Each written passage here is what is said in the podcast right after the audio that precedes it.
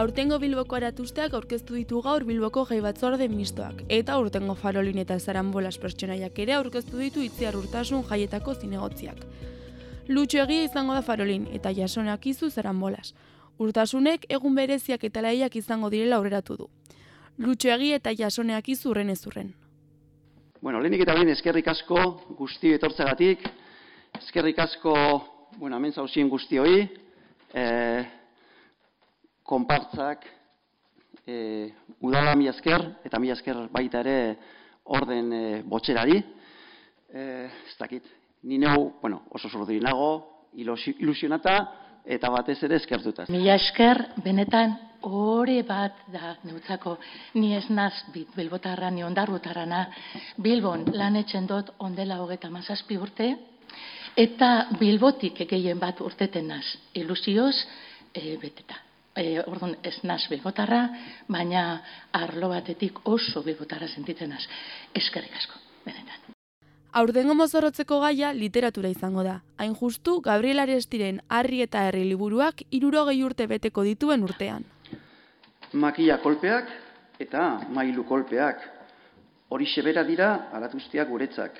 Euskal literatura irauli zuen, arestik, Euskaldun berri iritar batek bilbotik, gai sozial eta politikoak euskara batuan joratuz. Arestik bere lan hartan aditzera eman zuen poesia mailu, dat, mailu bat dela. Herria eraikitzeko mailua aleria.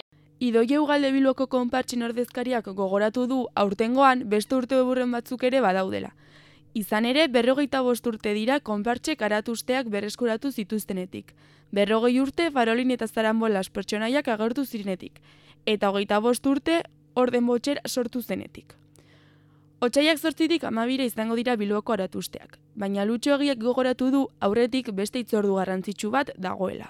Aratusteak abiatzeko, kopla txikien behatzi garren lehiaketa izango dugu otzaiaren iruan, kafe antzokian aukera baliatu nahi dugu gogorarazteko horretarako izen ematea etzi hogeta sortzian amaituko dela eta Bilboko konpartzon webunearen bidez egin daitekela. Bilbotarrak gonbidatuta egongo dira, egun horretan, euren kopla zirikatzaile eta humoritzuak botatzera, zein bertaratu eta barre batzuk botatzea. Programazio hori dagokionez, sortzian ostirala, arriagatik abiatuko dute kale jira seita erdietan eta zazpita erdietan lekukoa jasoko dute lutxo eta jasonek plaza berrian. Larun batean urteroko mozorre desfile egingo dute.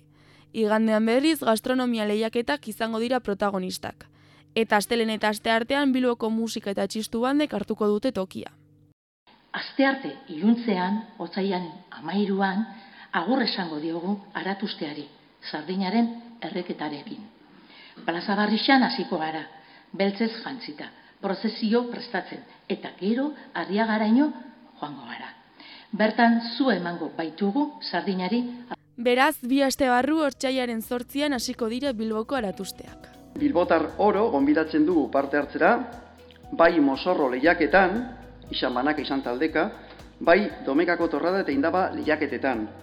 Horrela, makil eta maiu kolpez, kopla kopla, torradaz torrada eta maskaraz maskara, Bilboko aratuzteak egingo ditugu guztion artean.